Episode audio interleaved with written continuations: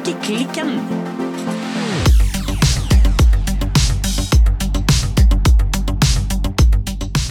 Hei, Birte. Hallo, Silje. Og så må jeg få lov å si yo, Hanne! Oh, hei! Yo, faktisk. For vi har en gjest i studio i dag. Ja. Hallo og velkommen til Strikkehytta. Ja, veldig stas å være her. Vi skal selvfølgelig introdusere deg etterpå, men vi må jo begynne med hva strikker du i dag? Ah, det er, det jeg er veldig glad for å svare på det spørsmålet. Eh, Jeg eh, strikker eh, på frihånd, løselig, etter det originale det Ja. Altså det som kom ut på en sånn papirlapp for hine hårde dager siden. ja, altså nå må du forklare. Hva er den originale skappelstrikken? Skappelgenseren. Skappelgenseren. Ja, det var en ja. sånn rillegenser. Ja! Men jeg strikker uten riller, så det er veldig løselig. Men Ah, jeg ja. følger den derre håndskrevne oppskriften. Ja. For den ligger ute på internett. Det finnes en håndskrevet liten lapp Ja, som som noen har tatt bilde av. Oi! Jøss! Og den har jeg med meg, så dere kan få se på klenodiet. Ja, det, Å, det ja. vil jeg veldig gjerne se på. Altså, er, var du klar over denne Dorte Skappel-historien, Birte? Nei, men er det Dorte som har skrevet?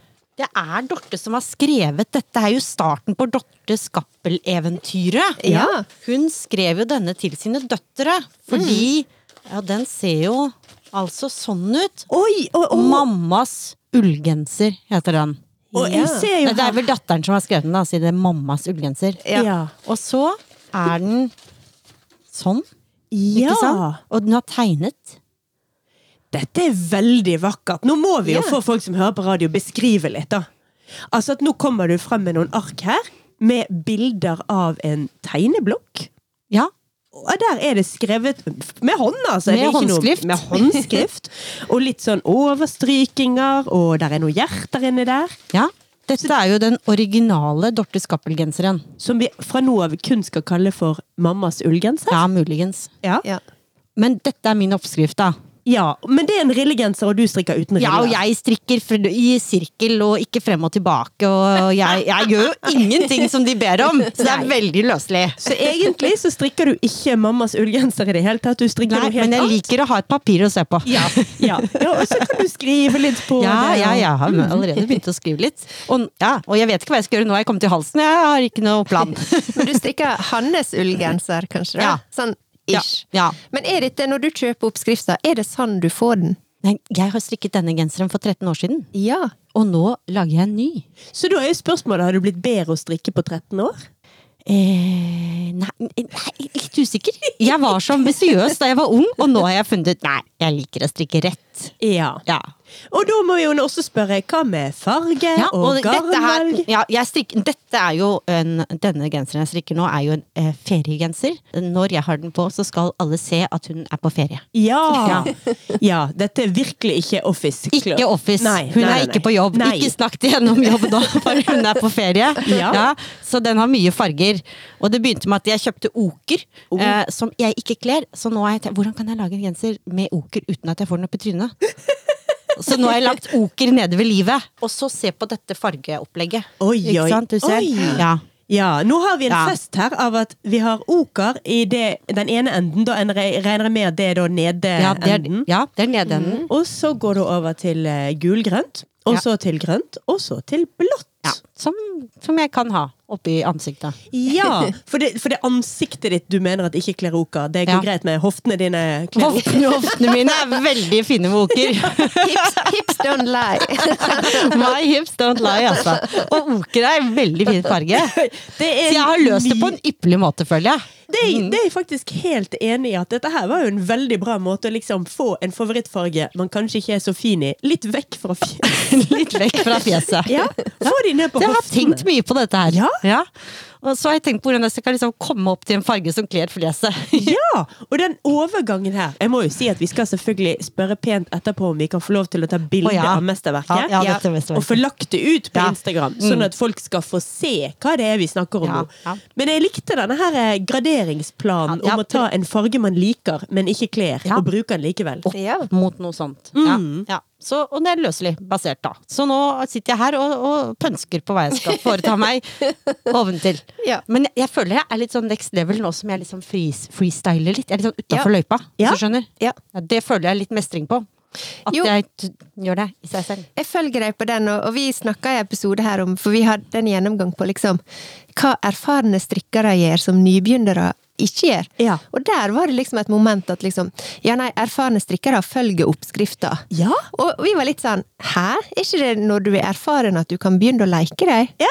Men, og du, nå, nå Ja. bekrefter du den Ja, altså, altså Det er som å lage mat. Du må følge oppskriften først, og så Ja. kan du begynne å trikse og mikse litt. Ja. Ja. ja, Ja. så da for 13 år siden så fulgte du oppskriften, og nå har du bare sluttet? Er det, Nei, er nei, nei, ikke helt. Men jeg, jeg er begynt å frigjøre meg. Jeg er i en frigjøringsprosess. Ja, jeg vil jo si at hvis du både har gått vekk fra rillene og frem og tilbake, Ja, ja, nå, hva gjenstår egentlig av jeg er veldig frigjort på det, men jeg er jo ganske eh, knyttet til mønster på andre ting jeg strikker.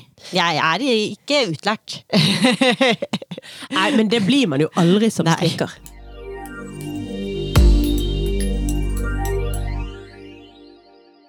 Men Birte, vi Ja. må jo spørre deg også. Ja. Hva strikker du i dag? Jeg strikker på jeg strikker klikkalong.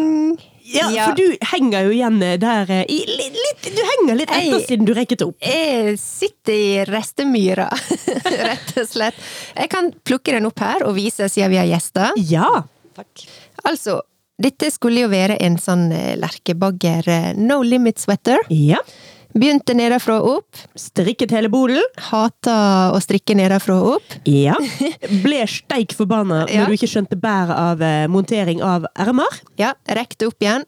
Begynte på en eh, Louisiana-genser overfra og ned. Ja, fordi Ja. det er en genser som egentlig ser helt make ut som eh, No Limit.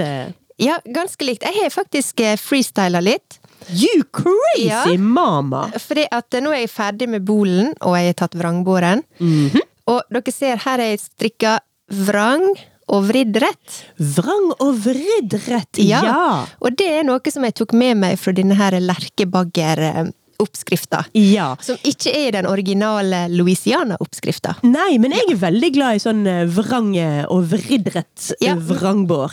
Hva, hva skjer da? Er det det at de blir litt tydeligere, de rillene, eller? Ja, de, Ja. de rette eh, stripene nedover, de popper ut Ja, på en mye mye Ja, det er mye mer pop Det er sånn kinaflette som hun har bak på hodet. Ja, Ja. mer som det. Ja. Eller hva heter vet hva- Ja, jeg skjønner hva du mener. Du har pariserfletten går på en måte innover, og så har du denne, denne varianten hvor den går utover. Ja, Ja. Den ligner på den. Ja. Ja. Det er sant. Um, så ja, vridd eh, pariserflette på vrangbåren. uh, og som dere ser, nå har jeg faktisk kun igjen ermene. Har du blitt så flink å si ermene! Ja, jeg må jo tilfredsstille der jeg kan. Men eh, Så nå skal jeg sette inn støtet, for nå har jeg lyst til å bli ferdig. Eh, dette er jo da min eh, restebonanza av en strikk. Den er jo helt fantastisk i fargene. Ja da, og her er det knuter utover og innover, og em, ja, et ganske sånn bra sånn nostalgikart over de aller fleste av mine strikkeprosjekt, faktisk, som jeg noensinne har strikka. Og du, Silje? Jeg strikker i vei på eh, pleddet fra Aftenstrikk og Rauma. Ja? Det er frem og tilbake og frem og tilbake. Jeg har ingenting å fortelle om det. Det eneste jeg har noe å fortelle om, Ja. det er at du vet den eh, grønne early morning sweateren eh, jeg er så glad i? Den nye yndlingsgenseren din? Ja, Ja. den har jeg ikke lenger. Det vis... Nei, det, det er for så vidt en god historie, altså. Det er en lykkelig Ja, det historie. håper jeg virkelig. Det, det er en god, det er en, det er en, en, gladsak. Ja. Nei da. Jeg var på kafé med mine barn, eh, og det ene barnet, det minste barnet, sølte fryktelig mye mm, sånn rød, veldig rød smoothie på det største barnet. Hvorpå det største barnet satt der med masse flekker på klærne og ble ikke fornøyd i det hele tatt. Nei? Så som den gode moren jeg er, så tok jeg selvfølgelig av meg Så genseren. ofra du deg? Selvfølgelig. Ja. Og da var det at jeg oppdaget at mitt eldste barn faktisk kan bruke mine klær, og at hun er så fin i den genseren. Oh. Så min yndlingsgenser har nå blitt hennes yndlingsgenser, og jeg må legge til en grønn early morning sweater på strikkelisten Å oh, nei og nei! Ja, men det er bra. Ja. Ja, Ja. for det, det, det er litt sånn sjokk også, for hun er elleve år. Så det var litt sånn Å ja! Nå kan vi bruke klær sammen! Ja. Den er jo selvfølgelig stor til henne, men det var liksom I mitt hode er hun jo liten, men plutselig var hun ikke det lenger. Altså, jeg er lykkelig over at mitt barn har blitt like høy som meg. Ja. Altså, det åp en verden åpner seg jo. Ja. Oh my. Ja, nettopp! Det er bare fordeler. Ja! Det er jo kjempekjekt! Så der, der har jeg plutselig havnet. Så det var gøy. Det var veldig bra. Det ble jo litt sånn eh, mercy gift, nesten. Ja, og fordi jeg liker jo ikke å strikke til andre. Litt på samme måte som jeg ikke liker å male malerier på oppdrag. Da blir Ja. jeg så stresset. Jeg liker å male og strikke til meg sjøl, men jeg er veldig glad for å selge det og gi det vekk etterpå. Men jeg liker ikke å lage det med tanke på noen andre, for da, da gjør jeg en dårligere jobb. Ikke den forventninga. Nei, da uh, uh, Å nei, hva hvis de ikke om uh, uh. Men du sitter jo her i din eh, strikkeklikkalong-restegenser. Jepp, jepp. Klikk, Klikk, klikk. Så det, den var jo ferdig for noen uker siden. Den er, altså, den er jo snart utslitt. Så den, er, den går snart eh, ja, altså, Den kan snart ikke brukes lenger. Så gammel som den er.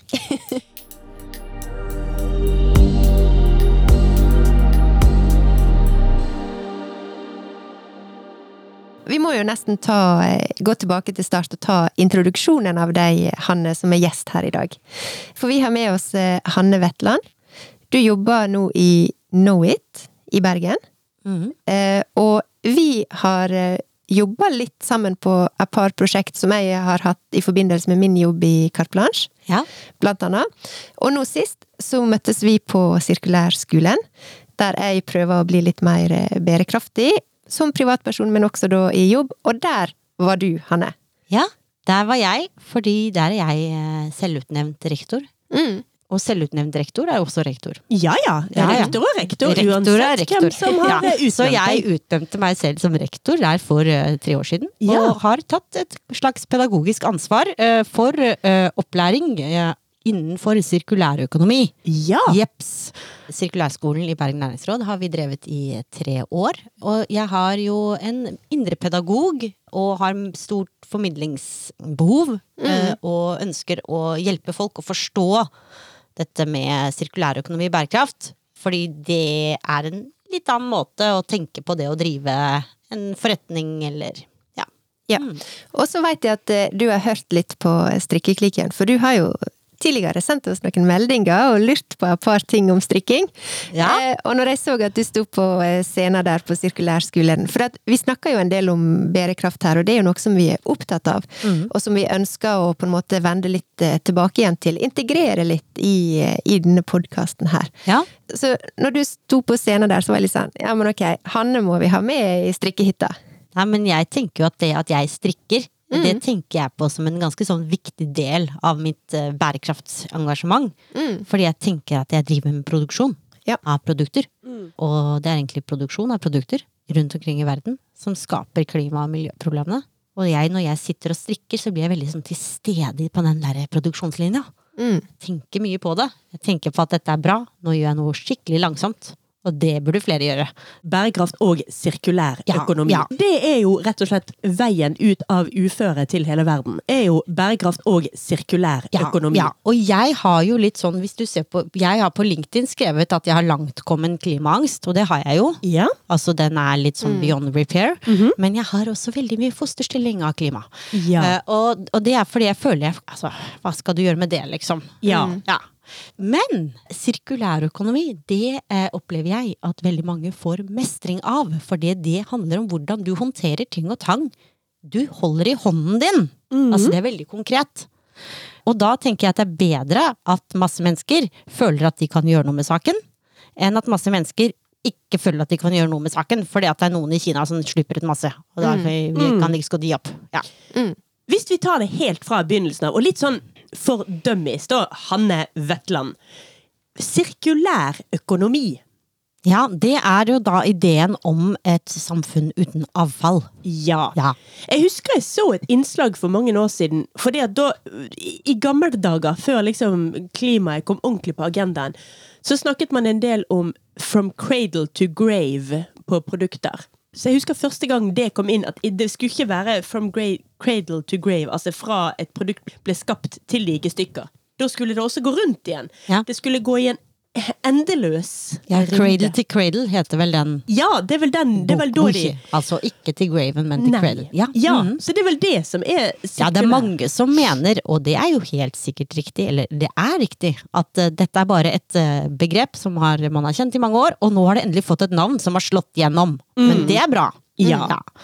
Og så er det jo sånn at i verden, som vi kjenner den, har jo vært eh, såkalt sirkulær i mange, mange hundre år. Det er bare de siste hundre årene at vi har klart å lage dette her eh, avfallsproblemet. Alle våre forfedre var kjempegode på dette. Ja, og vi er veldig dårlige. Men vi har jo også klart å lage såpass et stort problem på 100 år at uh, selv, om det er et, selv om det er et forholdsvis nytt problem, så er det jo et stort problem. Vi er veldig gode på å skalere problemer i full fart. Ja. Det er vi veldig gode på. Men det, vi har også klart uh, på de siste hundre årene å bli kvitt mange problemer. Så ikke sant? vi har fått velstand i verden, og folk uh, lever lenger enn de er 20 år og sånn, og da eh, forbruker de saker og ting.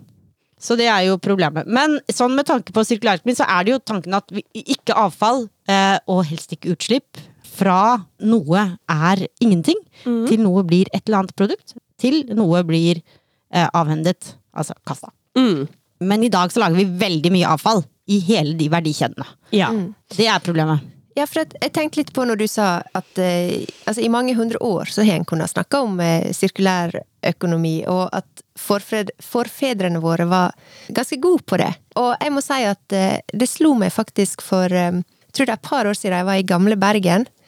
Og da skyldte det innover meg bare litt sånn Fy søren hvor vi har rota det til på 100 år. Med all Altså, kjøpmannen, eh, hvordan vi liksom du, Der ser du veldig tydelig hvordan du produserer i forhold til det du trenger, altså i forhold til behov. Tæring etter næring. Og så tenker du bare nå hvor ting blir masseprodusert i Kina, og du skaper liksom Du lager produkt fordi at noen skal tjene penger. Den her eh, gamle Bergen, det, det slo meg så ekstremt at liksom, å gud, vi er så på ville veier. Og her ser du at du hadde et slags fungerende samfunn der hvis du trengte en kost til å sope på gata med, så gikk du liksom 20 meter bort og kjøpte det med Kostmakeren, eller hva det var den het. Så det var det, liksom.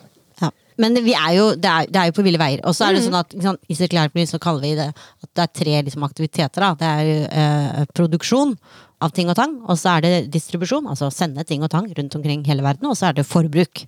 Og det er de tre kreftene som, som, som er problemet. Så vi forbruker ting, og hver gang vi skal ha noe forbrukt, så må noen produsere det og sende det gjennom hele verdensøkonomien. Og da tenker jeg at det er litt sånn hver gang du skal kjøpe noe, da. Du kjøper en penn.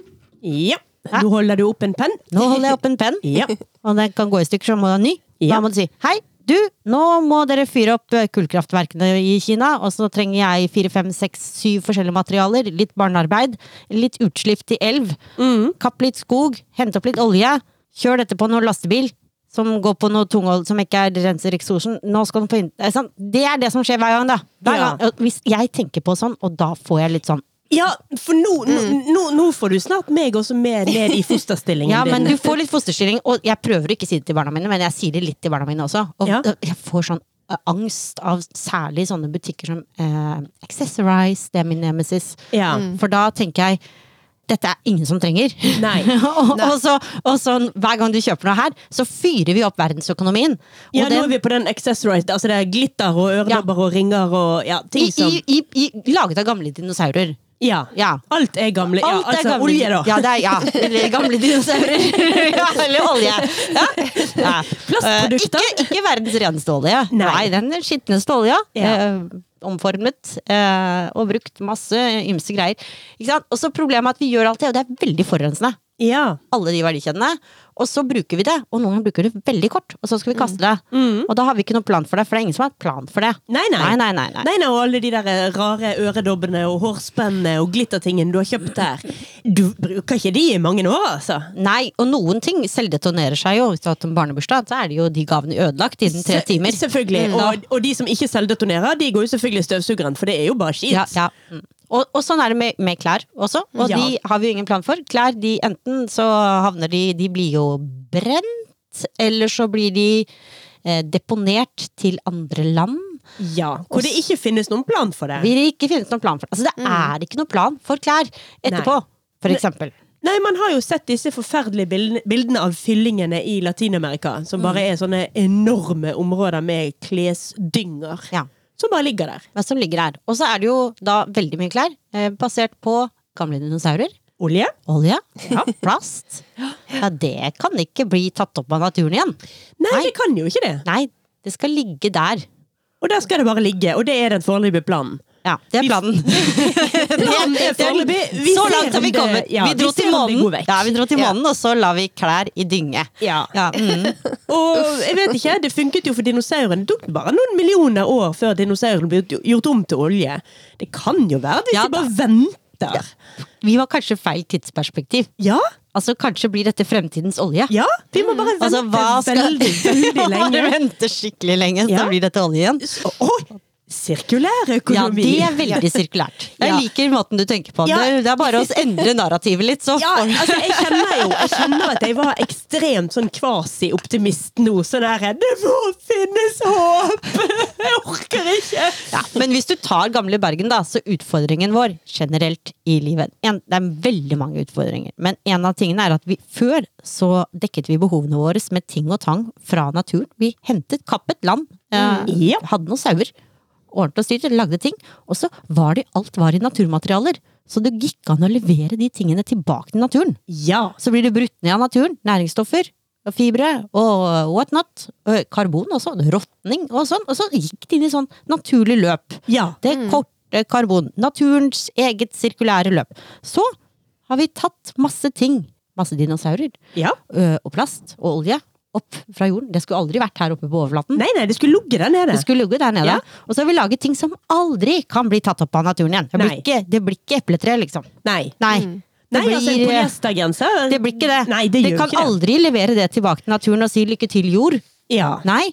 Så nå er vi stuck med masse greier vi har produsert, som bare kan sirkulere hvis vi lager perfekte industrielle, sirkulære systemer. ja, for det må jo være en liten Og det har vi ikke laget. Nei, men det finnes jo, altså, det finnes jo noe håp der. Jeg har sjøl en, eh, en eh, ny treningsbukse, ser du ikke strengt meg, som i hvert fall reklamerte med at den eh, var laget av gamle plastflasker. Ja, og nå Liker vi det?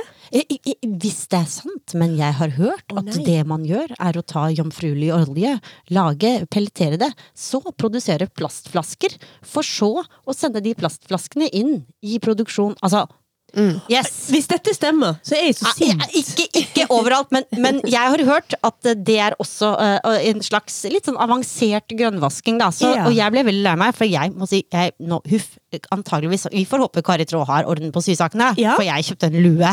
Du har kjøpt en plastlue Ja, fra med, eh, fra plastflasker. Ja. Og det tenkte jeg, da var kjempebra. Uh, ikke sant? Og så kan vi bare krysse fingrene for det faktisk er plastflasker, og at det er ikke noen som har gjort et sånn derre eh, lurete Sånn der, eh, Men hvis, ja. men hvis det faktisk er plastflasker, Ja.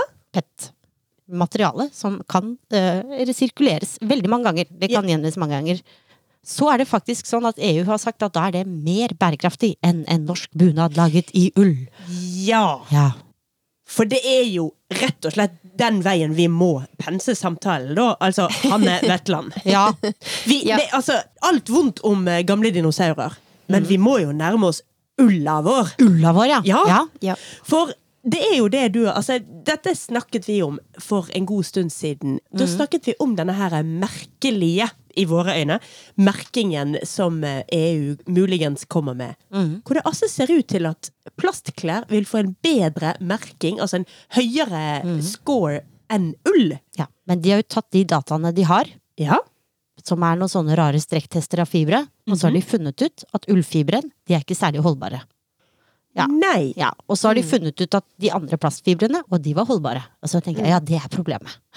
men, men det er også en løsning, ikke sant? Ja, men, Ja. men problemet er at de har jo tatt de datapunktene de har, og så har de jo ikke tenkt med hele hjernen. Nei. Eh, fordi at man For det første så er det jo sånn Altså, jeg tenker at du har tenkt litt snevert. Ja. Hvis du bare Du får det du måler. Ja. ja altså det, for det kom jo da for en stund siden for en dag at EU skal komme med en merkeordning for eh, bærekraft. Den kommer vel i 2023, mener jeg den skulle være ute. Og, og at det da ser ut som at ull og bomull og lin og silke havner på nei-listen.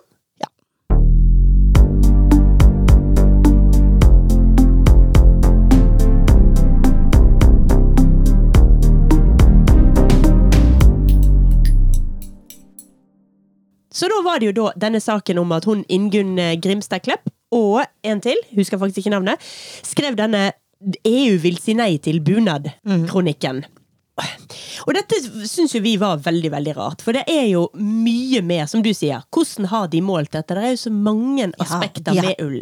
Og det er mange aspekter med, eh, med klær generelt. Altså, Ja. Du har moter og sykluser, og du har Det er, liksom, det er utrolig mange eh, ting med klær utover fibrene. De har jo ikke tatt med følelsen For eksempel, jeg har fått et inntrykk av at folk har litt sånn, er mer sånn relasjon til ull. At det er sånn 'Å nei, den må jeg ta vare på, den er i ull'. Den skal jeg gå med til den flasser av kroppen min'. Fall noe man har strikket seg sjøl, eller noen, altså noe som er håndstrikket, har man i hvert fall et nærmere Ja, forhold ja, ja. til. Og så selvfølgelig så skal man, og må man, vaske ull, ull på mye lavere temperatur enn man vasker ja, eller ikke i det hele tatt. Det er jo også et Det er et veldig alter, godt alternativ. Ja. Jeg vasker ikke ull. Ja, veldig, veldig, veldig sjelden. Bare, du bare Nei, den vasker seg selv, hvis du lar den henge litt. Ja, men jeg, jeg er langt på vei enig i det, altså. Og det er, jo, det er jo også veldig problem med alle disse her eh, Altså det er jo så mange problemer med tekstiler eh, generelt, med, med sant, vasking og mikroplast eh, her og der. Og, Som jo ikke er et problem Ja. hvis, du strikker, hvis du går med ullklær. ja. Men så har vi sånn i sirkulærøkonomi, så er det som vi snakket om, er mye snakk om liksom dette som kan bli natur. Ja. Eh, og så har du det som ikke kan bli natur. Og hvis du tar det ene garnet mitt, da, jeg syns det er litt interessant, nå Ja. jeg det. Her er garnet, som Ja. er et av mine favorittgarn. Som jeg strikker en del med. Arvetta fra Filcolana. Veldig mange fine farger. Ja. Eh, og så er jeg litt sirkulærøkonominerd, så jeg blir litt sånn Det er kjempefint, men det er jo 20% ull, og så er det 20% dinosaur. Ja. Det er en nylon i det, ja. Og det tenker jeg sånn, jeg skjønner at du putter den nylonen din, for da blir det veldig holdbart. Mm. For jeg strikker også litt med sånn annen ull, lett lopi. Den er jo for eksempel veldig eh, Den ryker lett. Den er jo hel ull. Så de putter jo sånn for at det skal bli holdbart. Og lang levetid på ting man lager, det er bra. Ja. For da forbruker vi ikke så mye, for det varer, varer, varer, varer. ja. Men denne tingen kan vi aldri legge ut og plante i, i hagen. Nei, på Det grunn av jo- de 20 prosentene Ja, med, med Så den, hvis den skal avhendes en gang i tiden, ja. så blir det brent i Rådalen, i forbrenningsanlegget. ja. Ja. Så det som er problemet, er at vi blander ting som kan bli natur, med ting som aldri kan bli natur, og det har vi gjort i veldig mye garn. Ja. Ja. Og så må jeg også lure på, fordi at uh, Filcolana er jo et dansk merke. Mhm. Ville du ikke bare Jeg tenkte at en sirkulær dame som deg ville kun strikket eh, fra ø, sauer fra Ja. Radøy? Ja, og der kommer det til min prinsipp her i livet, da. Ja. Og det er at jeg er ikke noe veldig, veldig veldig bærekraftig liv på Landås-person. Jeg er en person som gjør så godt jeg kan. Og så tenker jeg veldig ofte på at du kan gjøre en god del som privatperson. Og jeg skjønner at det er dette strikkeklikken handler om. Liksom. Privatpersoner, kan, liksom, hva kan du gjøre? Men jeg er mer opptatt av hva du kan gjøre som eh, jobbeperson. Ja. Ja, den, da kan du få en systemendring. Så du kan endre, du kan få en større påvirkning på samfunnet. Som eh, jobbeperson. Og for meg så er det sånn, når du jobber med strikking, da, så er det to måter å tenke på, eller flere måter å tenke på bærekraft. Det ene er jo forbruket av liksom, garn. Åpenbart. Det har kommet noe material inn i ditt hus, du har anskaffet det, det har vært gjennom en verdikjede. Det er noe plass, det er noe dinosaur, det er noe greier. Men det viktigste som jeg tenker på med strikking, da, det er jo at du faktisk har eh, satt deg selv på produksjonslinja. Eh, og litt av problemet i dag, det er at vi mister respekten for ting, fordi at vi forholder oss ikke lenger til at ting blir produsert. Det er liksom det er vipset til oss.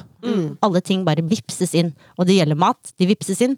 Vi spiser ikke opp maten vår, for vi skjønner ikke hvor mange ganger de har vannet den gulroten. Hvor mye man har liksom sett på den jorda, sjekket næringsinnholdet. Liksom, det er kjempejobb å få en gulrot inn i huset ditt. Hvis du har gulrøtter i hagen, da spiser du opp alle de gulrøttene, liksom. Ja. Ja, da har du vært ute og Ja. tatt på de gulrøttene. Ja. Og kos med de gulrøttene. Ja. Og det blir gulrotkake! Og den skal alle spise opp! Ikke sant? Men fordi vi respekterer ting som vi har grodd frem selv. Mm. Men siden vi veldig ofte når vi kjøper klær, kjøper andre ting, liksom bare tenker ja, kjøp så fin, grei nok, ikke sant? så tenker jeg at fordelen med å strikke, det er at du faktisk går den ekstra milen sammen med plagget. da. Mm. Og det burde du gjort med flere ting, tenker jeg. Altså, du spiser opp den maten du har lagd veldig fra bunnen, og du burde snekre et møbel altså, jeg, Egentlig så burde Tenk hvis klær i butikken sånn, Du må sy dem sammen selv. da, da hadde man kanskje tenkt ah, dette plagget jeg sydd sammen, det skal jeg ta vare på. Ja. Ja, ja. Men det tenker jeg er en veldig fin eh, ting. Eh, og det mener jeg er et sånt stort verdensproblem. At vi mister respekten for produksjon, og at hvis vi er på den linja selv så tar vi vare på ting. Mm. Og det tror jeg er en utrolig bra effekt av å strikke, da. Med tanke på å endre på en måte forbruket vårt, og respekten for forbruk. Og det tror jeg smitter over på andre ting. Og nå er jeg tenker sånn, jeg har strikket den genseren, det tok hver lang tid, jeg har strikket hver eneste maske. Jeg er en sånn som også går på Fretex, det er en naturlig del av min ikke sant? Du, jeg, jeg tror det kan få en effekt, da. Sånn. Ja. Det tror jeg du er veldig rett i. Det å liksom vite hvor ting kommer fra, og arbeidet som ligger bak. Men jeg tenkte også litt på, jeg likte det du sa med at du gjør så godt du kan.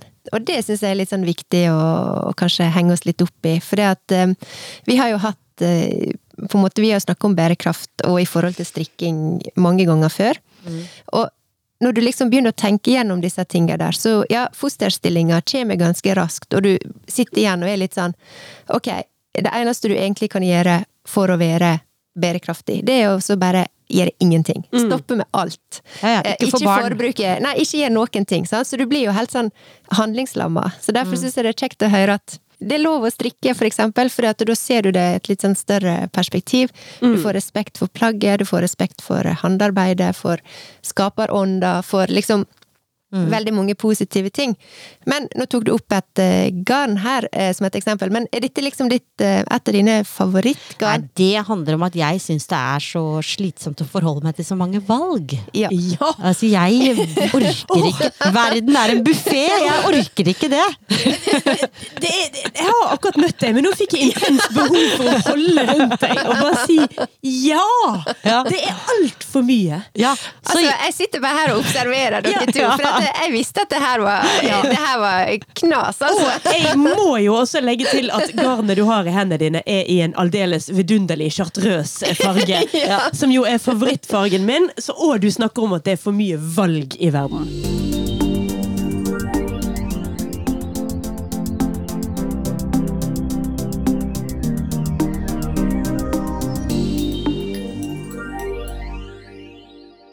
Jeg skulle kjøpe vekkerklokke her om dagen. Ja. Og det var liksom sånn, skal du ha flyvende vekkerklokke, eller skal du ha vekkerklokke som eh, kommer med lukt om morgenen? det er jeg, vil ikke ha det. Nei. Nei, vil ikke ha det. Ja. Mm. Ja. Og det- Og derfor så blir jeg litt sånn når jeg har funnet Jeg, har valgt dette garnet fordi jeg tenkte ja, det funker. Ja. Neste spørsmål. Nei, jeg, må bare si en ting, for det er faktisk forskning som støtter dette her. altså. Ja. Det er forskning som støtter at hvis du får valget mellom to bukser To dongeribukser. Mm. Du kan velge mellom én eller to. Da tar du et valg, og så er du mest sannsynlig ganske fornøyd med valget litt. Du legger det bak deg, og du er bare jass, det, det gikk for Mm. den buksen, dette er noe jeg står for.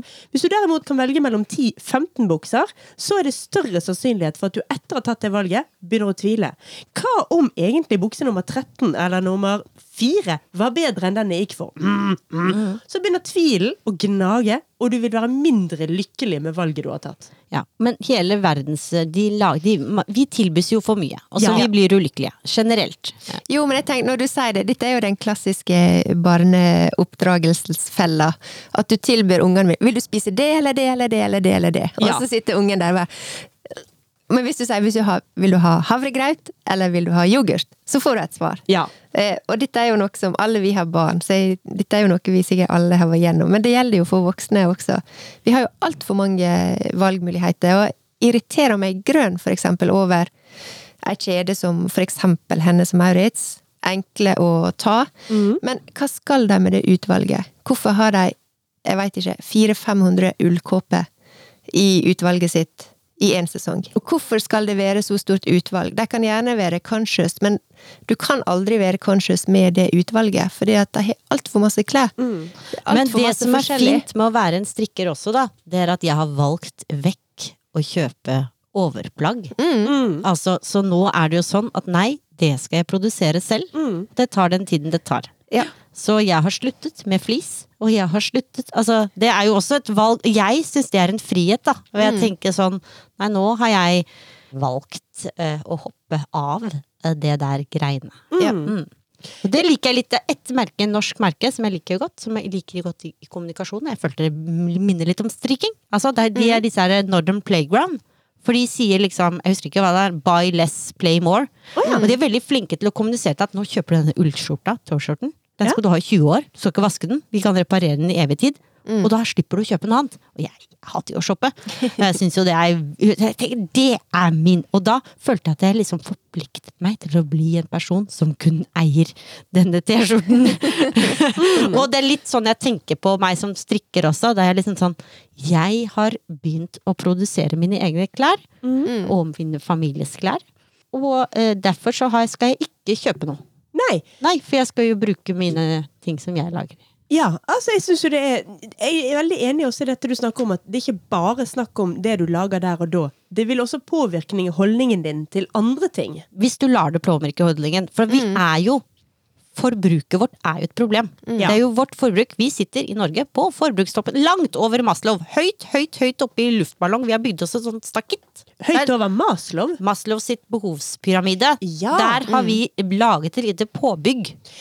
Ja, den der, ja. Den pyramiden der. Paranoiden. Altså, ja. Nederst ikke sulten, øverst sånn selvrealisering, og så ligger nordmenn sånn høyt, høyt, høyt, høyt over.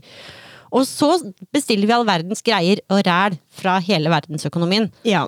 det er, det, forbruket vårt er jo hele problemet. Det er Ja. kun forbruket vårt, og ingen andre ting enn forbruket vårt, som skaper klima- og miljøproblemer. Mm. Ja, så hvis du kan tillate deg å bestemme deg for at denne strikkingen er at jeg hopper av Mm. og forbruke så jæsklig mye klær, for disse klærne selvdetonerer seg jo også. Mm. Og det er så morsomt, for jeg klager jo. Alltid. Jeg er veldig glad i å klage. Alle må klage mye mer. Det er beskjed til alle lyttere. Dere må klage! Det er veldig viktig å klage. Hvis ingen klager, så tror disse produsentene at alt er fint. Og når jeg klager, så får jeg alltid høre 'dette har vi aldri hørt før'. Ja, men det er jo Det er Bak meg står det 2000 klagere. Ja. Og veldig mye klær er jo så dårlig kvalitet. Og så klager du, så har de aldri hørt om det før. Nei. Ja, og da tenkte jeg det, Ja, men uansett. Eh, nå er det sånn, takk. eh, Jeg eh, strikker nå eh, mine luer og Ja. mine plagg og mine gensere selv.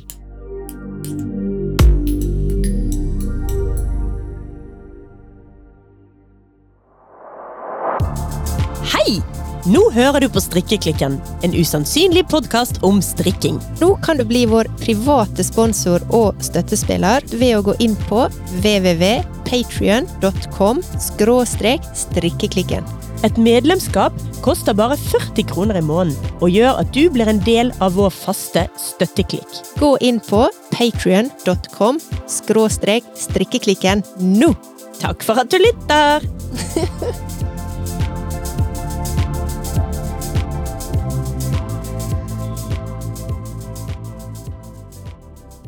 Vi skal ikke shoppe, og du er litt som meg, liker ikke shoppe. Så for oss er det nødvendigvis kanskje ikke det veldig store sånn tapet i, av livskvalitet. Og, altså det blir mer en sånn ha, takk Gud, jeg Ja. slapp å Ja. shoppe. Ja, ja. Men det hender jo at jeg også får dette behovet for sånn mm, nom-nom. Jeg trenger noe følelsen av luksus. Jeg trenger følelse av at jeg har treata meg selv til et eller annet. Ja, Det jeg egentlig fisker etter, da. ja fiskevei! Fiskevær.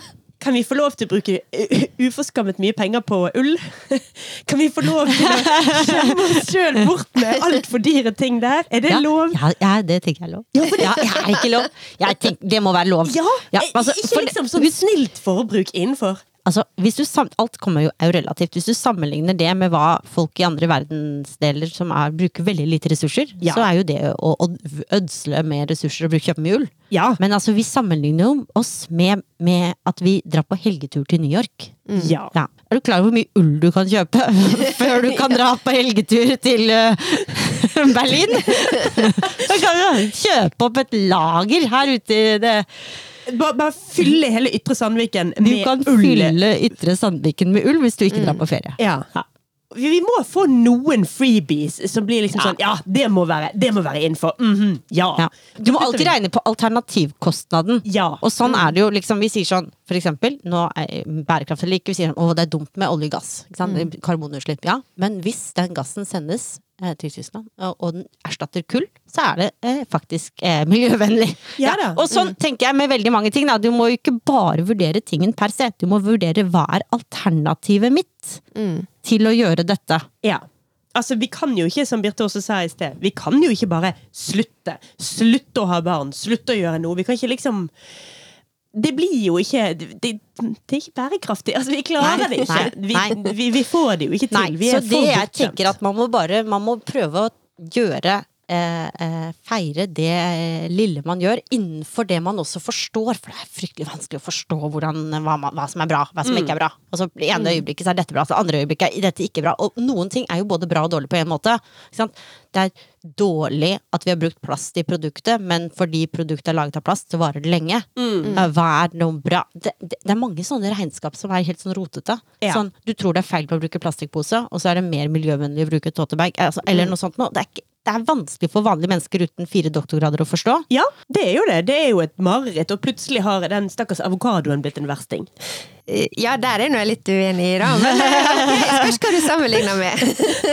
Men eh, eh, du snakker om eh, det er vanskelig å forstå, det er vanskelig å manøvrere. Ja. Men hva er dine liksom beste og enkleste tips som du tror de fleste kanskje kan klare å, eh, å følge? Ja, for, for eksempel innenfor strikking, og hvis vi er liksom i det her bærekrafts... eh, I bærekraftsverden Ja. Nei, for det første så tenker jeg jo at eh, forbruk Hvis du klarer Altså hver gang vi lar være å kjøpe noe ræl, da, så utsetter vi endelikt litt til. Fordi jeg tenker at du kjøper ikke ting og tang, du kjøper verdikjeder. Altså du kjøper utslipp. En iPhone har, som jeg har sagt mange tilfeller, har 86 kilo avfall. Det er bare at det, det skjer andre steder i verden. Ja. Ja, så alt du kjøper, det har masse konsekvenser andre steder. Så eh, hver gang man lar være å kjøpe noe, så tenker jeg at du sparer noen for noe problem. Men samtidig, mm, folk lever av det også i Bangladesh og lager disse tingene. Så det, det er ikke enkelt, det heller. Hvis vi sluttet med fast fashion i morgen, så eh, blir de arbeidsledige i Asia, mange steder i Asia, og der har de ikke Nav. Nei. Men generelt eh, innen strikking, da. Altså også da kjøpe mindre garn, for eksempel. Kjøpe mindre strikkeutstyr. Nei, jeg, nå velger jeg å tenke kjøp så mye strikkeutstyr du vil, Ja. og drit i å kjøpe den glittertightsen. Åh, jeg elsker deg. Ja, sant? Ja. Uh, ikke Ja, kjøp ikke kutt i verden Nei, ikke kutt kutt, andre plasser. For det er bra. Ja. Det er holdningsskapende. Du får respekt for plagget, du bygger eh, liksom en Og du er rolig. Det er, det er liksom nå er jeg litt sånn, nå er jeg på strikkeliken, men halleluja, strikking er jo veldig bra. Ja. Jeg syns heller man skal kutte noe annet. Ja. man kan eh, spise opp maten. Mhm. det er mye smartere enn å slutte med strikking. Ja, godt råd. Ja. ja. Ja, og jeg syns at du kan kjøpe Altså, du kan kjøpe ganske mye garn i livet her. Nei, nei det, det, det, det har jeg vanskelig for å si at vi skal selvpiske oss innenfor sjangeren strikking. Ja. Men man kan jo reflektere over, tenker jeg, når Mm. du først sitter der og ser at det er 20% nylon, og så er det litt om at du utdanner deg selv litt, da, og tenker liksom hva betyr det? Hva kommer nylon av? Mm. Hva kan skje med dette plagget etterpå? Kanskje engasjerer man seg derfor i å tenke at burde vi ikke ha en gjenvinningsindustri i Norge for klær? Det, nei, det har vi ikke. Burde det vært i hvert fall For du begynner fort å tenke på klær. Mm. Vi har ikke noe produsentansvarsordning for klær i Norge. Det har man i Frankrike. Det er ikke noe gjenvinningsindustri. Det har man litt i Sverige og i Finland. Det er ikke noe krav til merking, og det er liksom det er en eneste stort materiallapskaus, veldig mye av disse klærne vi får. Og, og da tenker jeg sånn, hvis 5% av strikkerne føler at jeg har en jobb hvor jeg kan gjøre noe med det, fordi jeg er en strikker, så har jeg lyst til å gjøre noe for å endre klesbransjen. Jeg kjenner noen som jobber på hovedkontoret i Warner-gruppen, eksempel. Kanskje, nei, jeg gjør ikke det, men nå prøvde jeg å Ja, late som at jeg var en strikker som kjente noen som jobbet på hovedkontoret i Warner-gruppen. Så jeg tenker at strikkere må på en måte ta litt sånn ekstra samfunnsansvar for klær generelt, da. Eh, og, og at vi bygger den bevisstheten fordi vi sitter her og liksom gjør jobben, da. Ja. Kjenner på det og bygger den relasjonen til klærne. Jo, men strikking har jo vært i front for mange kampsaker. Kanskje skal klima og bærekraft være en ny, en ny kampsak for strikkerne? Ja, det syns jeg.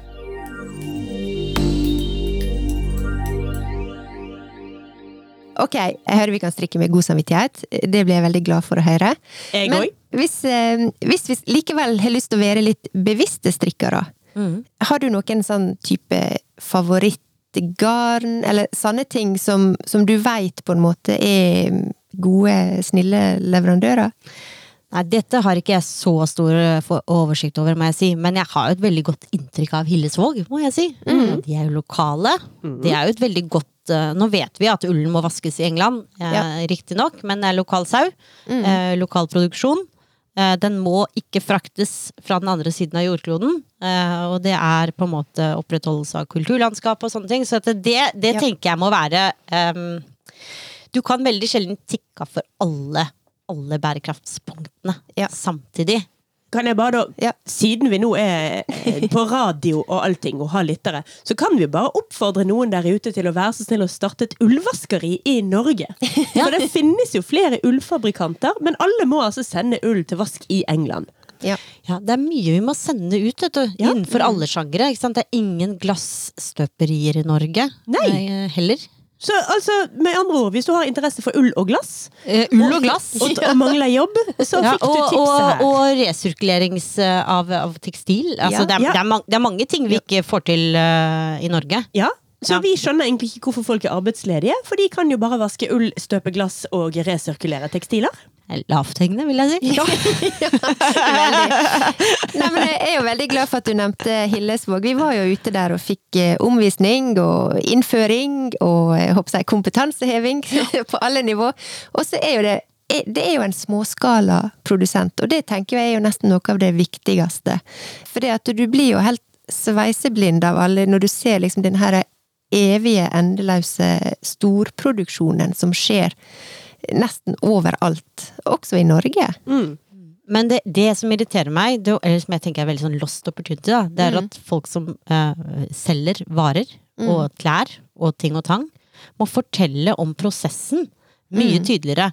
Fordi at det, har vært sånn Og designed in Norway, liksom. Eh, Ja. Du skjønner? Hva betyr det? Hva betyr det? Det betyr Ja. at det sitter noen med en Mac et eller annet sted i Norge og sender bestilling, og så fyrer opp verdensøkonomien. Mm. Ja. Altså, liksom, forskjellen på det å produsert i Norge, og forskjellen på det å bli produsert i Norge av norsk ull, er kjempestor. Og så er det helt underkommunisert, for på nettsider og sånn, så er det bare sånn her er garn, her er ting, her er tang. Og så tenker jeg sånn, ikke underkommuniser dette her.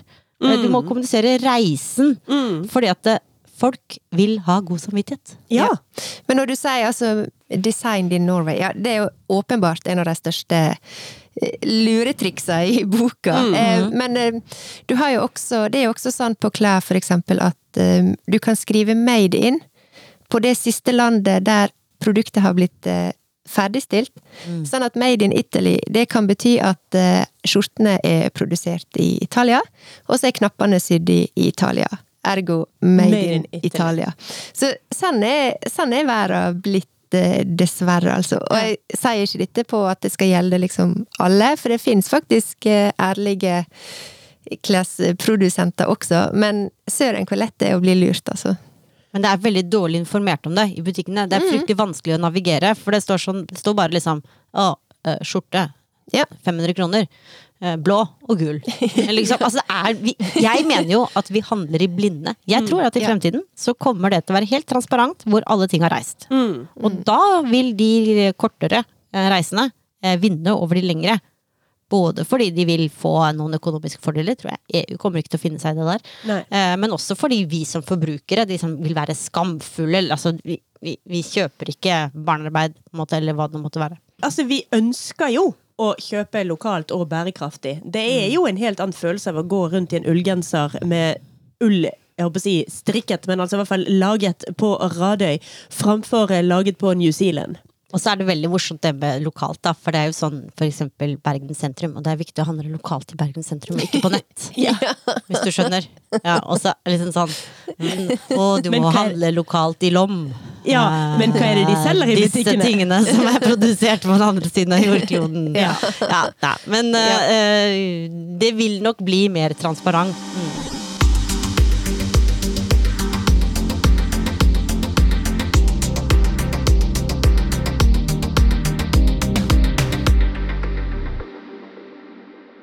Jeg lurte også litt på hva har liksom vært det, den tingen du har gjort? Og da tenker jeg litt sånn om det som strikker, eller som, kanskje som privatperson. Du kan velge. Hva, hva er det du har gjort som du har følt har gitt størst utslag i forhold til å være en bærekraftig eh, person? Ja, jeg er jo ikke eh, glad i å shoppe. Altså, jeg jeg syns det er Jeg dør innvendig. Altså, hvis no, noen må betale meg for å dra på Lagunen. Så det, men det faller meg veldig naturlig. Altså, jeg liker ikke den aktiviteten i det hele tatt. Så jeg har et ganske sånn lavt uh, forbruk. Mm. bruker ting til det ikke henger sammen. Så det er jo én. Det er viktig. Og det tenker jeg er kjempeviktig, da. Å, å være veldig bevisst på å bruke Forbruke lite av tull og tøys. Altså, du, det er mer enn nok av ting du trenger. Så, ikke sant? Ja, og det andre er uh, at jeg rett og slett ikke er så glad i å reise. Altså, jeg er litt konservativ, det hørtes litt sånn. Altså, jeg liker ikke, har ikke noe sånn 'å, jeg må så veldig gjerne dra jorden rundt og oppleve ting'. Nei. Jeg syns det er fint å eh, repetere, jeg repetere ting. Uh, og jeg, liker, jeg, jeg reiser mer innover i hjernen. ja, men, Mye mer spennende. Nei, det er så mye greier i hjernen min, så jeg må jobbe med. Så jeg, jeg, har, har ikke et stort reisebehov. Nei. Så hvis du reiser lite og ikke liker å shoppe, så føler jeg kanskje det er de to tingene jeg gjør personlig. Ja. Men nå sitter jeg her og, og tenker at eh, jeg har veldig lyst til å bli mer bærekraftig og mer bevisst. Så jeg lurer litt på, Hanne, har du noen sånn gode mm, tips til om det er inspirerende, om det er en dokumentar eller bøker, eller kanskje til og med disse her nymotens eh, influenserne. Altså, eh, hvor kan vi finne litt mer eh, god informasjon? For det er jo en jungel der ute, og det kan være litt sånn vanskelig å orientere seg. Ja, jeg har jo litt forskjellige kilder til det, men det er liksom ikke én kilde. Det er ikke sånn 'les den boka'. Eh, men hvis du skal høre på én podkast, så syns jeg det er utrolig lærerikt med den podkasten som heter Sirkuler. Det er Avfall Norge sin Ja. podkast, og det er fordi de snakker om alt det vi har sluttet å bruke. Ja. Og det er ganske interessant. Ja. Eh, Det snakker vi for litt om. Eh, Så de har alt som kommer såkalt nedstrøms. Og der kan man lære litt hvis man er nerd. Avfallsnerd. Og jeg tenker det, det bør vi alle være. Ja. Ja. Eh, Der er det mange eh, egne serier om klær, for de jobber veldig mye med klær og tekstiler. Hva skal vi gjøre med det? Ja, Alle klør seg i hodet. Så det var altså podkasten Sirkuler. Ja. Ja. Eh, ja, også, Men uh, jeg uh, henger jo utrolig mye på LinkedIn, må jeg si. Det syns jeg er et fantastisk medium. Jeg skjønner det ikke er så veldig sånn å, strikking og LinkedIn. Det er liksom ikke Instagram. Ikke? For at det, det, hun bare Kunstneren her borte tenker hva er det? Hun skjønner ikke hva hun snakker om. LinkedIn! Ja. Ja, det, ja, hvor, Ikke ja, det bare sånn CV-portal? ja, det, det, du må tenke på LinkedIn litt som en episode i Lille Lørdag. Men, eh, for da, da går det greit. Men det er et kjempefint sted å oppdatere seg om alt som skjer innenfor bærekraft og sirkulærøkonomi, for folk deler veldig mye kunnskap på LinkedIn. Oi! Yes! Så jeg syns det er min favoritt go to-kanal for å eh, oppdatere meg innenfor alle felt om bærekraft. Mye mer enn sånn brokkolisøsterne på Instagram, som jeg ikke syns er så Er det noen? Nei, jeg vet ikke. Det er noen sånn, Nei, ok. noe sånn brokkolisøstre her, tror jeg. Som er sånn Grø grønne? ja, ja, grønne. Ja. Men, men det er fordi det går på sånn eh, livsstil, sånn personlig livsstil. Mens jeg lurer jo på hvem skal sørge for at samfunnet blir sånn at jeg, litt dum som et brød, går rundt og likevel er bærekraftig. Altså, uansett, selv om du shopper lite og alt sånt, så må man jo altså, man må jo handle, man må jo ha mat, man må ha ting. Ja, og det kan ikke være opp til enkeltpersoner. Nei. Jeg er veldig Ja. opptatt av at dette Ja. må vi eh, få noen Altså, man kan skjerpe seg. Alt, Ja. Det er alltid behov for å skjerpe, mulig å skjerpe seg litt, men eh, i utgangspunktet så må eh, samfunnssystemene sørge for at det blir lett for oss. For vi kan jo ikke Det er ingenting jeg leste en gang som var veldig godt sagt. Det er ingenting som er så slitsomt som å prøve å endre en systemfeil med individuell handling. Nei! Altså Folk som meg og deg, hvis jeg, som, hvis jeg forstår det rett at du er som meg, som blir overveldet i butikker, og Ja. det er for mye, det er bare åh. Og der står du foran 700 tannkremtuber, og du vet du er tom for tannkrem. Dette må løses nå. Og det er for mange tannkremer der. Hvis noen bare kunne pekt ut dette, Ja. det, Her er systemet, dette er en god tannkrem, vær så god. Den har Ja. reist kort, og den har lite plastikk, og We jeg- fixed it for ja, you. Ja, og jeg, jeg vet det. Og jeg, nøkkelundermerke. Jeg snakket med de sjefene på galleriet, et kjøpesenter i Bergen, og sa kan ikke du gi meg et kart som gjør at jeg kan navigere inne på det kjøpesenteret hos deg uten å få angst? Jeg vil bare komme ut derfra, ha kjøpt gaver til noen barn uten å ha ødelagt noe i verden. Eh, Jeg vil bare liksom få på meg en eller annen badedrakt eller et eller annet. Ja. Og helst med best mulig samvittighet. Og jeg, jeg har ikke hjernekapasitet til Nei. å navigere i dette sammensuriet. Nei, vet du hvor jeg har vært i dag? Vet du hvor jeg har vært i dag? På Ikea. Ja. Vet du hva jeg kom ut med? Absolutt ingenting. Jeg kom ut med klump i halsen. Det var det. det var Ikea er ikke så verst, altså. Ikea er ganske bra. Ja, det går med vill. Det, det går ikke. Det, det har du vært for lite på Ikea. Nei, det, det gikk som de har gått altfor mange ganger med meg på Ikea. Så det ble, det ble bomtur atter en gang. Så det var bare Nei. Men Ikea har tatt på seg ledertrøya, da. Det kan du lese på LinkedIn. Så, Nei, men jeg vil gjerne, for de som ikke vil på LinkedIn, så vil jeg si at det er en film som jeg har sett, og den handler ikke om strikking, men den handler om naturen, og det er den som Jeg håper den ligger på NRK. Den heter Biggest Little Farm. Eller Det store lille gå livet på gården, eller sånn. Ja. Den ble jeg helt slått ut av. ja. For den handler egentlig om hvordan noen i eh, San Francisco eller sånt nå, klarer å skal bygge en gård som er brukt, bygget på naturens egen måte å selvregulere seg. For Ja. hvis vi lar turen, lar turen være i fred, så selvregulerer den seg. Men finner ut av det. Ikke Ja. sant? Og det de gjør, er at de bygger en sånn gård hvor liksom plantene og dyrene skal liksom selvregulere seg. Fra scratch. Altså det er helt tørt, og så klarer de å bygge opp dette her uten noen pesticides og sånne ting. ja, ja. Og det er jo, som en sånn bærekraftsperson, så tenker jeg at det er jo det som er det egentlige systemet vi skulle hatt. Det derre selvregulerende eh, bærekraftsystemet som bare ordner og reparerer seg selv hele tida. Men vi har gått ut av det og laget sånne masse monokulturer og ting i plast Ja. som liksom ikke blir selvregulert. Det er avhengig av at vi doser på Mm. eller ikke doser på. Så den, hver gang jeg tenker på hvor er det vi skal, så tenker jeg på den Biggest Little Farm, da. At det derre selvregulerende systemet, der kunne du plantet en del ull ut, og det ville bare blitt tatt opp av naturen. Ja. Det hadde liksom gått i en naturlig sirkel der, Ja, ja, ja. på den gården. ja. Så det, da har du i hvert fall løst problemet. Hva skal vi gjøre med tekstilavfallet? Plante i bakken. Plante i bakken, så blir det liksom brutt opp, og så blir det, noe, så blir det fersken. Nei. Eller noe greier.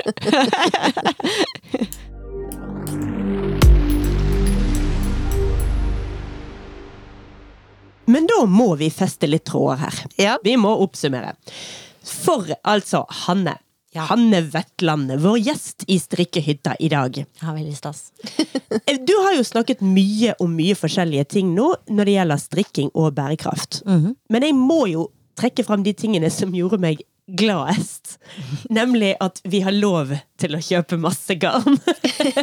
Så lenge du ikke reiser på helgetur til New York, Og se på det der. for eksempel. Ja, sant? altså sant, Dette her med at du ikke ble så streng at du sa at nei, vi også skulle være forsiktige med garnet, det, det, det, det var jeg litt redd for på forhånd. Så det var jeg veldig glad for at ikke du Ja, sa. vi må Ja. ikke selvpiske oss, for det er en veldig bra aktivitet. Ja. Ja. Ja, for dette er også det du snakket om, at strikking er en aktivitet som kan Altså, en, det lærer en noe om produksjon.